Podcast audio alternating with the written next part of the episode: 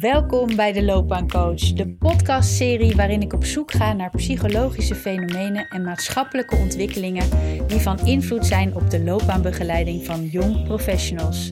Deze serie wordt gemaakt vanuit de leergang loopbaancoaching van de Hogeschool van Amsterdam en mijn naam is Japke Ebbingen. Vandaag in de studio hebben we het over loopbaanbegeleiding bij leerlingen en studenten met een migratieachtergrond. Om hierover in gesprek te gaan, reik ik uit naar de andere kant van de wereld. We gaan naar Curaçao en in gesprek met Celeste Cardoze. Celeste is docent Spaans, decaan en loopbaanbegeleider op het Radulfus College op Curaçao. Migratie kent ze van binnenuit en ze maakt het dagelijks mee in haar schoolpraktijk. In het begeleiden van studenten naar Nederland om daar te gaan studeren en in de begeleiding van Venezuelanen en Chinezen die op Curaçao weer binnen binnenkomen. Celeste, welkom. Goedemorgen. Goedemorgen voor jou en voor mij is het alweer veel later. Ja, inderdaad. Nou, bedankt voor, voor de uitnodiging. Nou, het klinkt al wat. Ik vind het heerlijk om bij je te zijn op Curaçao, want ik hoor gewoon nu allemaal prachtige vogelgeluiden. Ja, ik ben momenteel thuis, vandaar. Wat heerlijk. Celeste, in ons voorgesprek was overduidelijk dat jouw hart sneller gaat kloppen voor deze leerling, deze student of de mens, moet ik zeggen, met een migratieachtergrond. En hoe te zorgen dat deze goed aankomen en dat deze mee kan op de nieuwe plek. En ik ben heel benieuwd, waar komt jouw passie voor deze doelgroep vandaan? Um, eigenlijk van uh, mijn eigen ervaring als. Uh migrant in Nederland. Ik ging uh, na mijn VWO naar Nederland toe. Ik was toen 17 en was al een keer of vijf of zes in Nederland geweest met vakantie. Maar dat is toch een heel andere ervaring als je daar gaat wonen. Dus ik ging naar Leiden, naar de Universiteit van Leiden. Ik wilde eerst heel graag naar Amsterdam, maar dat mocht helaas niet van mijn ouders. Dus uh, toen heb ik, had ik gekozen voor Leiden, die uh, dichtstbijzijnde was. En um, na mijn studie talen en culturen van Latijns-Amerika in uh, Leiden ben ik toch naar Amsterdam gegaan. Of tenminste, ik woonde nog in Leiden, maar studeerde aan de UvA. En toen had ik een uh, postdoctorale lerarenopleiding gevolgd. En daarna ben ik ook een paar jaar blijven hangen in Amsterdam. Ik heb uh, les gegeven in verschillende steden, Amsterdam, Den Haag en in Utrecht.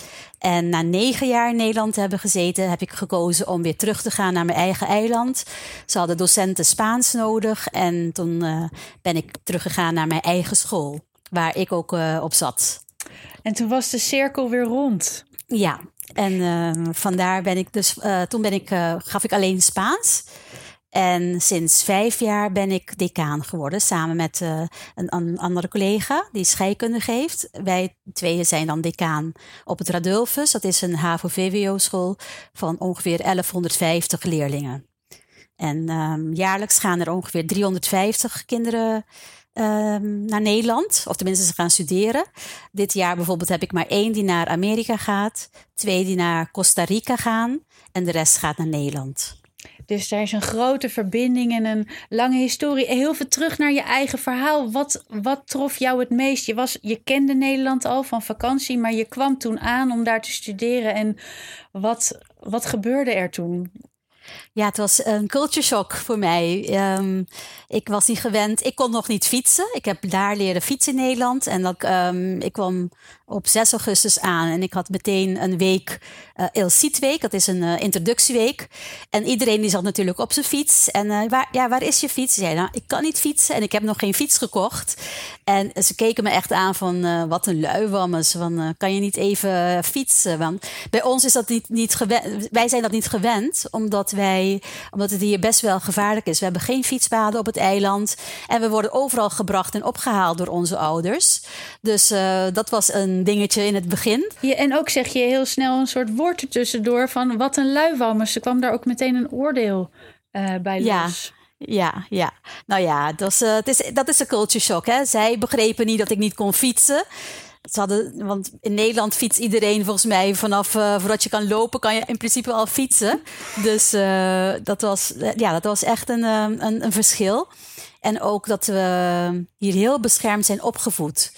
Um, ander, een ander voorbeeld is dat je niet tegen een, een, een, ouder, een autoriteit of een oudere persoon, dan zeg je niet jij of je of met een voornaam, dat je iemand met een voornaam noemt. Dat, dat, dat doe je gewoon niet. Dus ik heb nu zelfs collega's die, vroeger mijn studenten waren, die mij nog steeds juffrouw noemen en zeggen het komt er niet uit. Dat is echt een, uh, een cultuurverschil. Dus er zijn verschillende dingen uh, dat ik had meegemaakt. Gewoon dat, uh, dat je altijd een, een woordje terug moet kunnen zeggen. Um, dat je, ja, er zijn, er zijn tig voorbeelden dat je kan noemen. Dat ik, uh, waar ik echt moeite mee had aan het begin. Het weer. dat, dat, Um, het bleef maar regenen en ik dacht op een gegeven moment: oké, nee, ik ga morgen weer naar school. Want op Curaçao stopt eigenlijk alles als het regent. En in Nederland gaat alles gewoon door. Dus ik, ik bleef na een paar dagen, dacht ik: nou, oké, ik moet nu wel echt naar school, want het, het stopt niet. Het blijft maar regenen. Dus dat zijn van die kleine dingetjes die uh, een verschil kunnen uitmaken. Dat is een enorm verschil wat het kan uitmaken. En het zit hem dus allemaal in kleine dingetjes. Um, Zoals niet kunnen fietsen of je woordje klaar hebben of met de regen gewoon doorgaan. Hoe lukte dat jou om die cultuurshock uh, door te komen? Of wat heeft je daarin geholpen? Wat me heel erg heeft geholpen zijn de oudere jaars die daar al waren. Dus uh, Antillianen die in mijn flat woonden. Die, um, die zagen hoe wij de eerste jaars uh, struggelden met alles. Het wennen aan het hele nieuwe cultuur en nieuw systeem waar we in zaten. Uh, die hebben me enorm geholpen om er doorheen te komen. Dus zeg maar de buddies. En dat is een reden waardoor, waarom ik ook um, oudere studenten, derdejaars, vierdejaars studenten vragen om onze eerste op te vangen. Vooral in de eerste periode, de eerste paar maanden.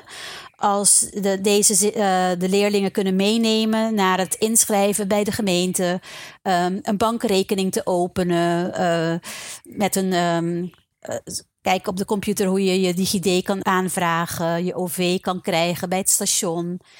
dat soort dingen. Gewoon de praktische dingen die je aan het begin allemaal moet regelen. En um, dat, dat helpt enorm. Dat is eigenlijk uh, de beste vorm met een ouderejaars meelopen. Dus ja, precies, en daar komen we straks ook nog even op terug. Want daar is onlangs ook in, de, eh, in, in Nederland is er over gepubliceerd en daar aandacht over gevraagd. Hè? Um, waar onderzoek uitwijst dat Antilliaanse studenten vaak niet succesvol zijn door hele praktische belemmeringen. Dus wat jij schetst ook, uh, is uh, dat, dat de ouderejaars uit de Antillen, die hebben jou geholpen met alle praktische dingen. En ook het geholpen met die vertaalslag. En jij praat er heel makkelijk overheen, Celeste, van mensen vonden je lui. Maar ik wil nog heel veel terug naar wat, wat doet dat met jou als je als nieuwkomer binnenkomt en je krijgt door eigenlijk miscommunicatie en door het niet weten, uh, toch zo'n soort oordeel naar je toe. Ja, het is, het is niet, niet makkelijk. Zeker als je van jezelf weet dat het niet zo is. Maar ja, het zijn dingen waar je doorheen moet komen. En dat um, het zijn allemaal praktische voorbeelden die ik ook gebruik nu dat ik uh, nu ook een zoon heb in um, Rotterdam. Die, die geeft me ook heel veel voorbeelden van dingen die uh, hij heeft meegemaakt. Die ik dan ook meteen gebruik als voorbeelden voor de nieuwe lichting die gaat. Zodat ze weten waar ze op moeten letten. Wat je doet is dat eigenlijk deze informatie, die ervaring die je zelf hebt gehad en die ervaringen die je zo nu maakt en, en die al jouw andere leerlingen nu maken, uh, om die te helpen voor de voorbereidingen voor de volgende lichtingen. Ja. Ja, ik gebruik zowel um, de, de ex-leerlingen, dus onze ouderejaars, gebruik ik tijdens de studiereis. We gaan, we gaan elk jaar twee weken naar Nederland. Afgelopen jaar konden we helaas niet gaan vanwege de COVID-19. Maar volgend jaar hopen we weer te gaan. En um, zowel op de hogescholen als op de universiteiten gebruik ik dan weer um, mijn ex-leerlingen die daar studeren op de verschillende universiteiten om hun ervaring te delen. En dat doen ze ook als ze even met vakantie op het eiland zijn. Dus nu, hebben, nu zijn er ook een heleboel bij ons op school geweest. Die dan zonder sugarcoating gewoon echt zeggen hoe ze het hebben ervaren en waar, waar, waaraan ze tegenaan zijn gelopen. En um, we gebruiken ook Zoom-sessies met uh, ex-leerlingen om te vertellen uh, wat de moeilijkheden zijn geweest en hoe je je daarvoor beter kan voorbereiden. Dus voorbereiding is een hele belangrijke sleutel. Kunnen we misschien een klein beeld krijgen? Um, uh, hoe is de situatie qua loopbaanbegeleiding uh, op Curaçao? Wat zijn, zijn jouw leerlingen en studenten gewend aan loopbaanbegeleiding? Ja, het wordt steeds, uh, het wordt steeds meer dat ze dat belangrijk vinden. We beginnen in de derde klas, wanneer ze een profiel moeten kiezen. Dan gebruiken we weer de oudere jaars, degene die al een paar jaar met uh, vakkenpakketten hebben, hebben gewerkt. Die komen dan vertellen hoe ze, hoe ze het hebben ervaren. Dus uh, vakken die ze nog nooit hebben gehad in het onderbouw. Um, bijvoorbeeld BECO, bedrijfseconomie.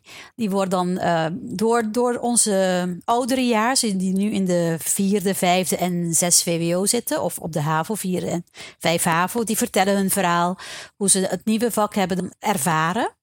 En um, de docenten die geven dan ook weer uitleg over de vakken die ze nog nooit hebben gehad in het onderbouw. Ze mogen meelopen met een, uh, een bijvoorbeeld informatica die ze alleen maar in de brugklas hebben gehad. Die mogen, dan mogen ze meelopen om te kijken hoe het nou aan toe gaat in de bovenbouw. Dus ze krijgen veel ehm, voorbeelden van ouderejaars. En, en zijn jullie uh, docenten of, je, of in de rol als decaan, uh, doen die ook speciale dingen met loopbaanbegeleiding? Ja, uh, ik, ik, ik zou graag willen dat iedereen minstens één snuffelstage zou doen in de vakantie. Dus als je een paar vrije dagen hebt, dat je dan mee kan lopen.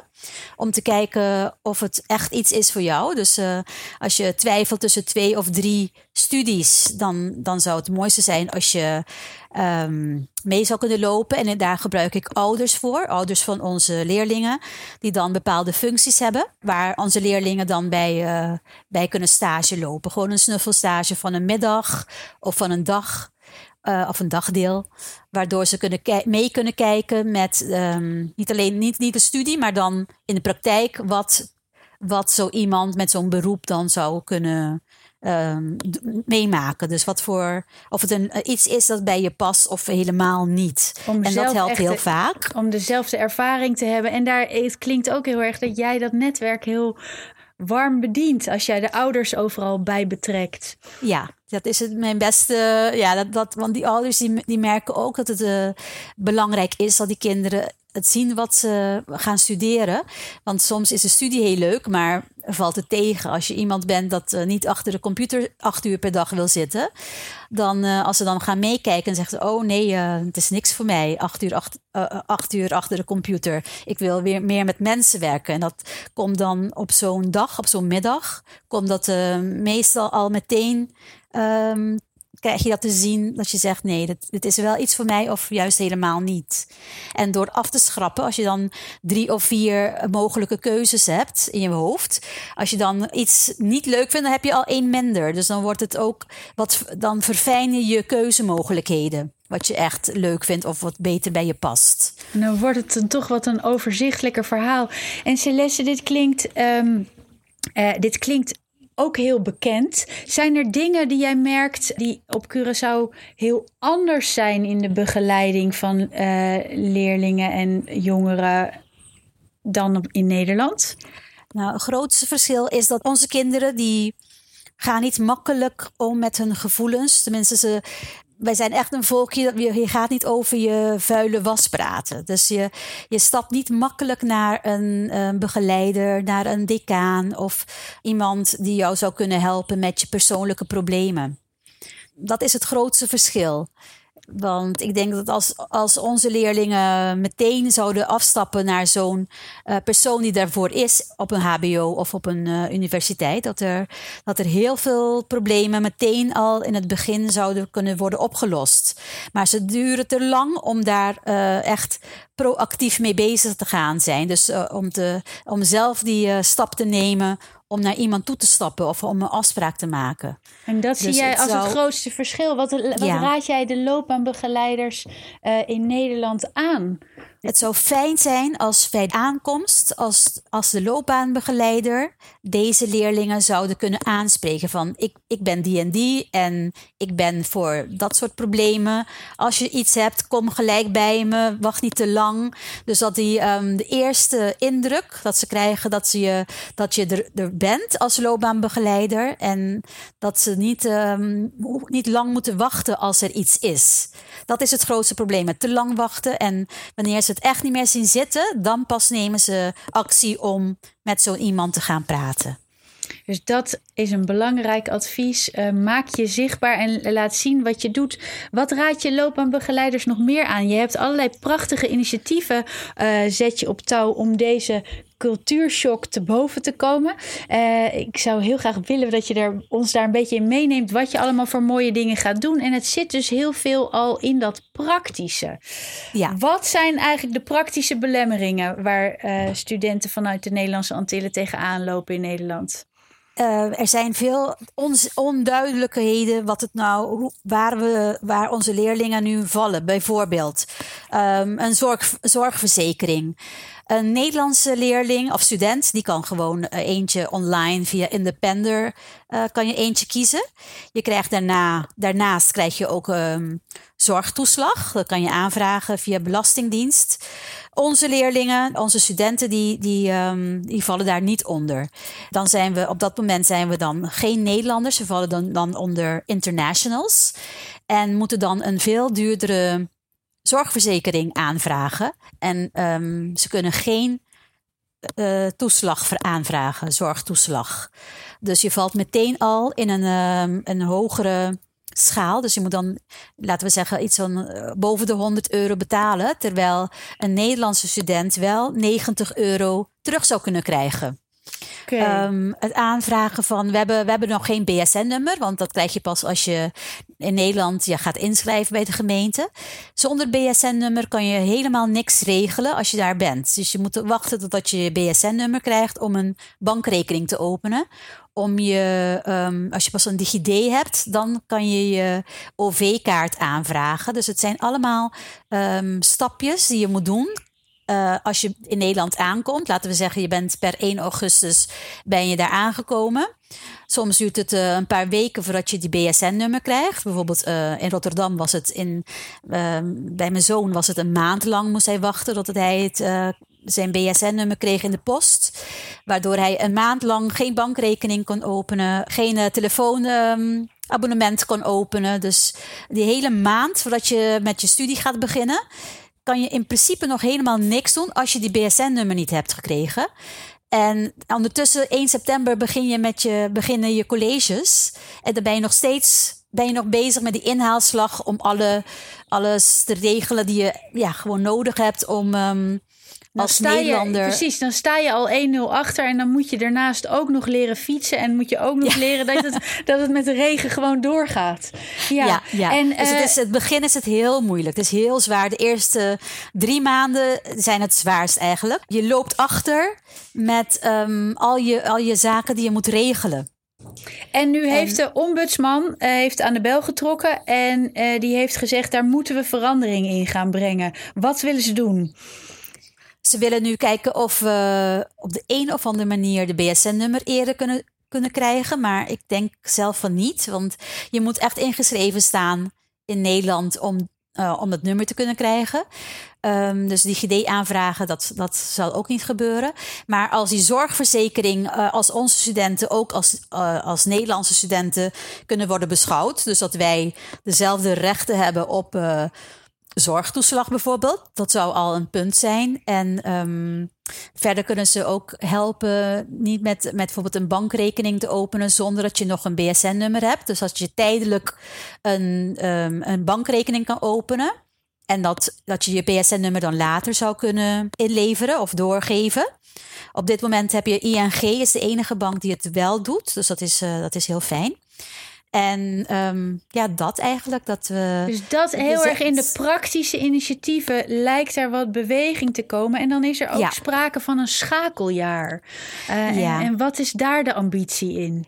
Ja, de ambitie is dat, dat de Antilliaanse studenten een jaar lang de gelegenheid krijgt om na het HAVO of VWO of een, een, een VSBO-diploma. VSBO is bij ons uh, wat, wat in Nederland VMBO is. Dat ze eerst een jaartje um, besteden aan alle praktische know-how of vaardigheden die je moet hebben. Bijvoorbeeld uh, vaardig zijn het Nederlands en in alles wat je hier zou moeten kunnen. Om uh, ja, meteen een, een zachte landing te kunnen hebben in Nederland. een jaar lang ehm, eh, ja, kijken. Dus wat, wat de HBO's heel vaak willen, is dat je goed kan, kan schrijven. Hè? Dus dat je goede verslagen kan schrijven in het Nederlands. Dat soort vaardigheden dat wij niet heel erg um, diep op ingaan op, op de middelbare school. Dat ze dat eerst um, eigen worden voordat ze naar Nederland komen. Waardoor de kans groter is dat ze succesvol het eerste jaar halen.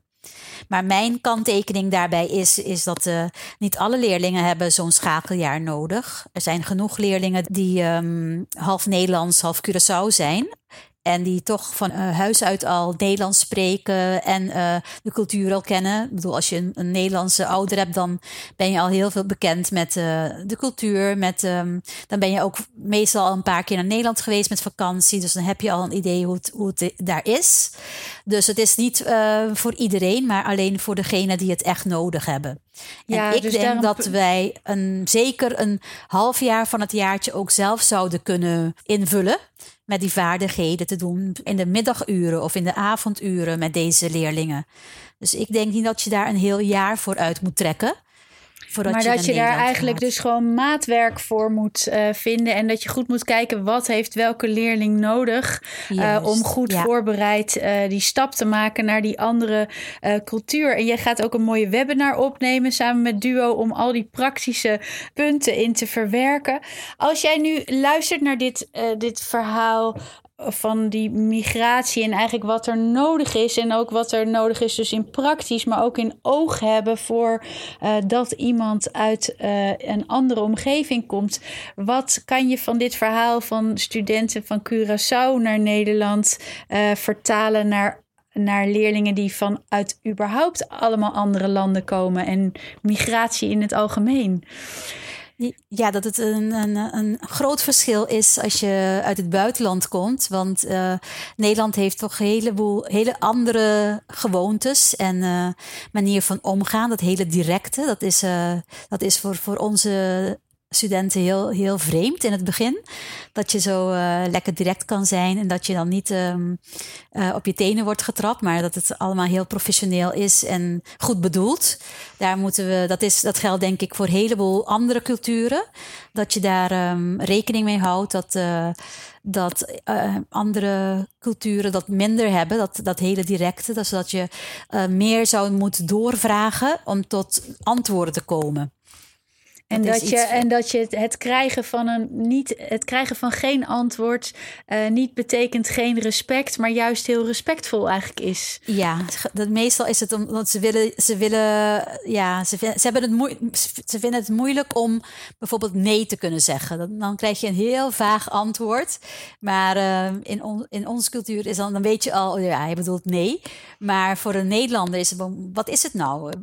Is het nou wel of niet? Dus dat hele dat is echt iets van, uh, van onze cultuur. En voor, voor, voor, verschillende andere culturen ook. Dat ze, dat ze um, in het begin heel veel moeite hebben met dat hele directe Nederlands systeem. Is dat, van, uh, wat van deze lessen pas jij zelf toe? Want jullie hebben op Curaçao ook veel migratie. Maar dan komt de migratie, uh, veel Chinezen en veel Venezolanen die bij jullie komen leren en studeren. wat, ja. wat merk je daar? Wat, want die zullen ook een cultuurshock ondergaan. Klopt. Dat, um, ik probeer ze dus vanaf het begin in de brugklas wanneer ze komen. Want Chinezen zijn ook heel stil. Die zeggen echt helemaal niks. Je krijgt geen respons.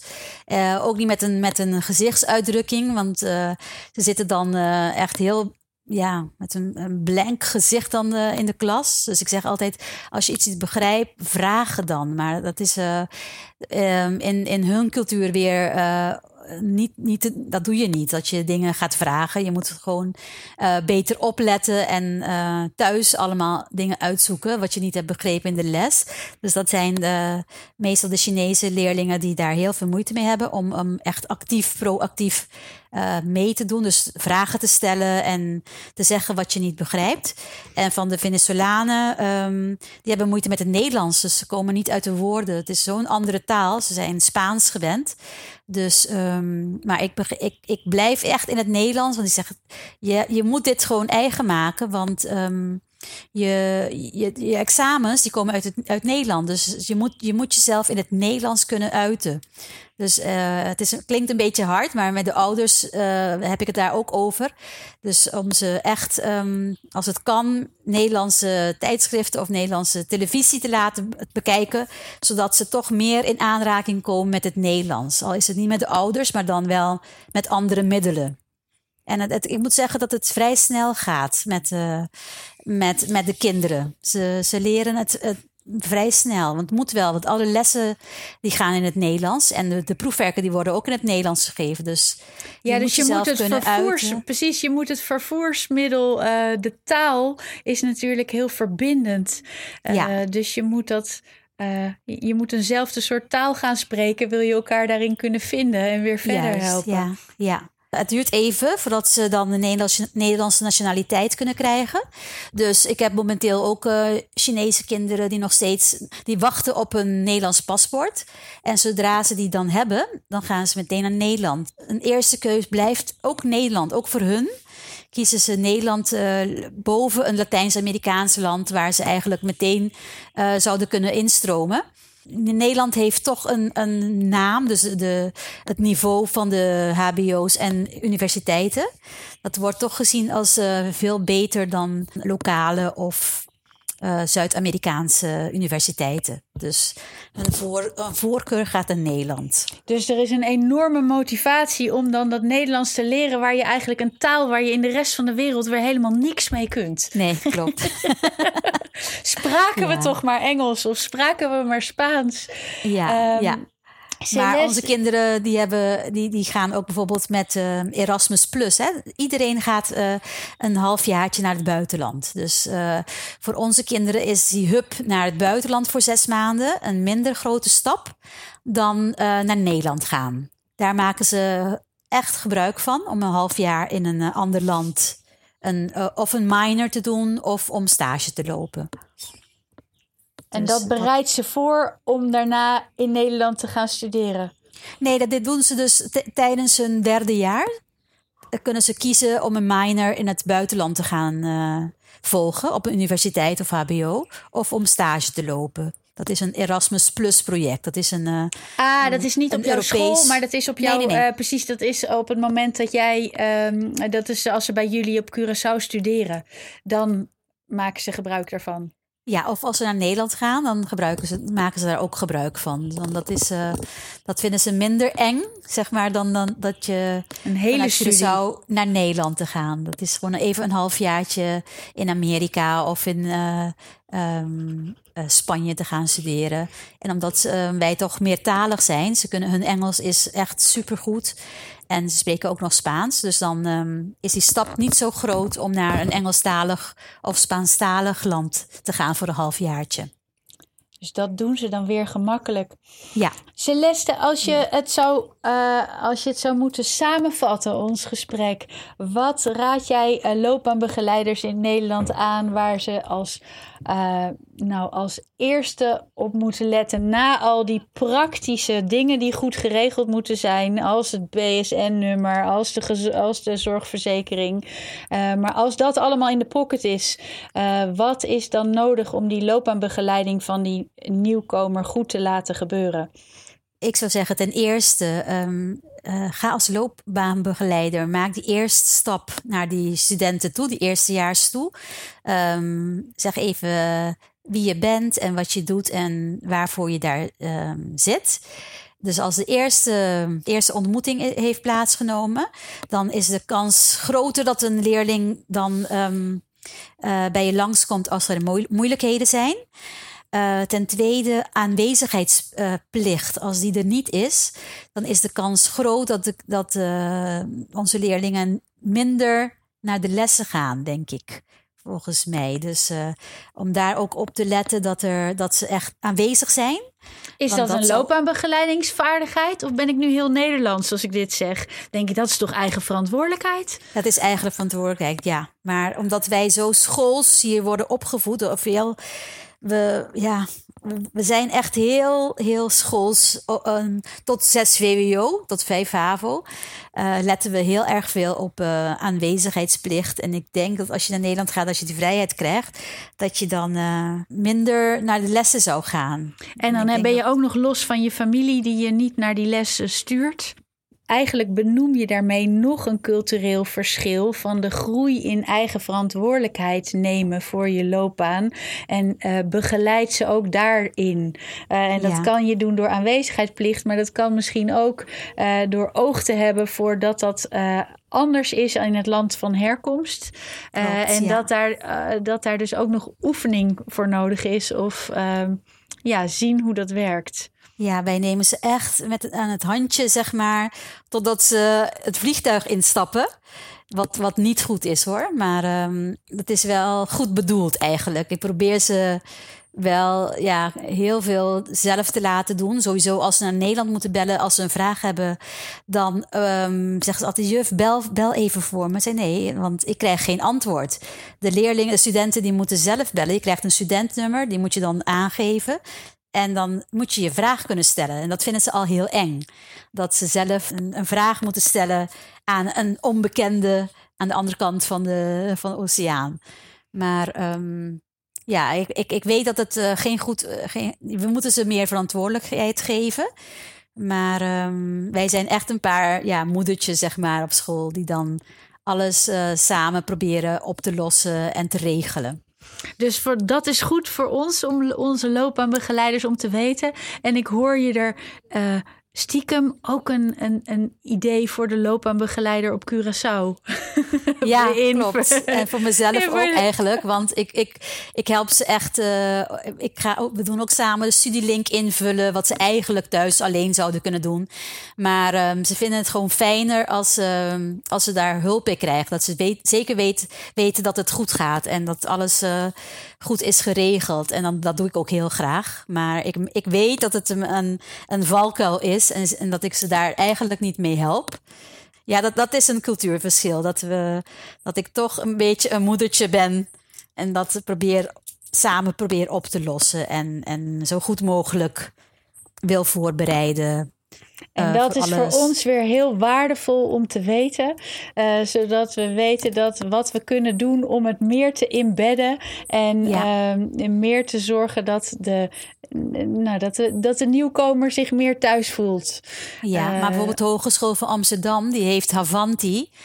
En dat is een heel waardevolle club van het, dus voor alle Antilliaanse en um, ook buitenlandse studenten. Om dan samen dingen te gaan uh, doen. Bijvoorbeeld schaatsen. Nou, we hebben hier nog, natuurlijk nog nooit uh, ijs of sneeuw gezien. Dat soort dingen. Echt typische Nederlandse dingen doen ze dan samen. Ze gaan naar de Anne Frankhuis. Um, ja, dat, ze, ze, doen heel veel samen. Dus ouderejaars met, met eerstejaars. Wat echt heel erg waardevol is voor de nieuwkomers dat, dat soort uh, initiatieven, die, die zijn gewoon fantastisch voor onze kinderen. Waar je dus kennis maakt met elkaar en met de uh, nieuwe cultuur waarin je en stad, komt ja. en de stad. Ja. Celeste, ik dank je hartelijk voor dit gesprek. Uh, en wens je heel veel succes met je liefdevolle begeleiding. Uh, dank je. Van al je, al je kinderen, zou ik bijna willen zeggen. Ja. Want zo voelt het als ik naar je luister. Het zijn niet zomaar leerlingen of studenten, maar het zijn allemaal kinderen van je. Um, Klopt, ja. ja. Wij zijn één grote familie. Dat is, uh, zo voel ik het ook. Vooral als ik naar Nederland ga met de studiereis, dan is het, zijn we e-, echt één grote familie. Dat is heel fijn om te zien. Dat is heel, mooi. dat is heel mooi. Dus vanuit een warm hart. Uh, um, in een warm Curaçao uh, was dit de loopbaancoach. Uh, we zijn te vinden in iTunes, Soundcloud, Spotify of via de website uh, van de www.hva.nl slash loopbaancoaching. Ook zijn we te volgen op Instagram, de underscore loopbaancoach. Zeg het voort. Ontzettend leuk dat je luistert.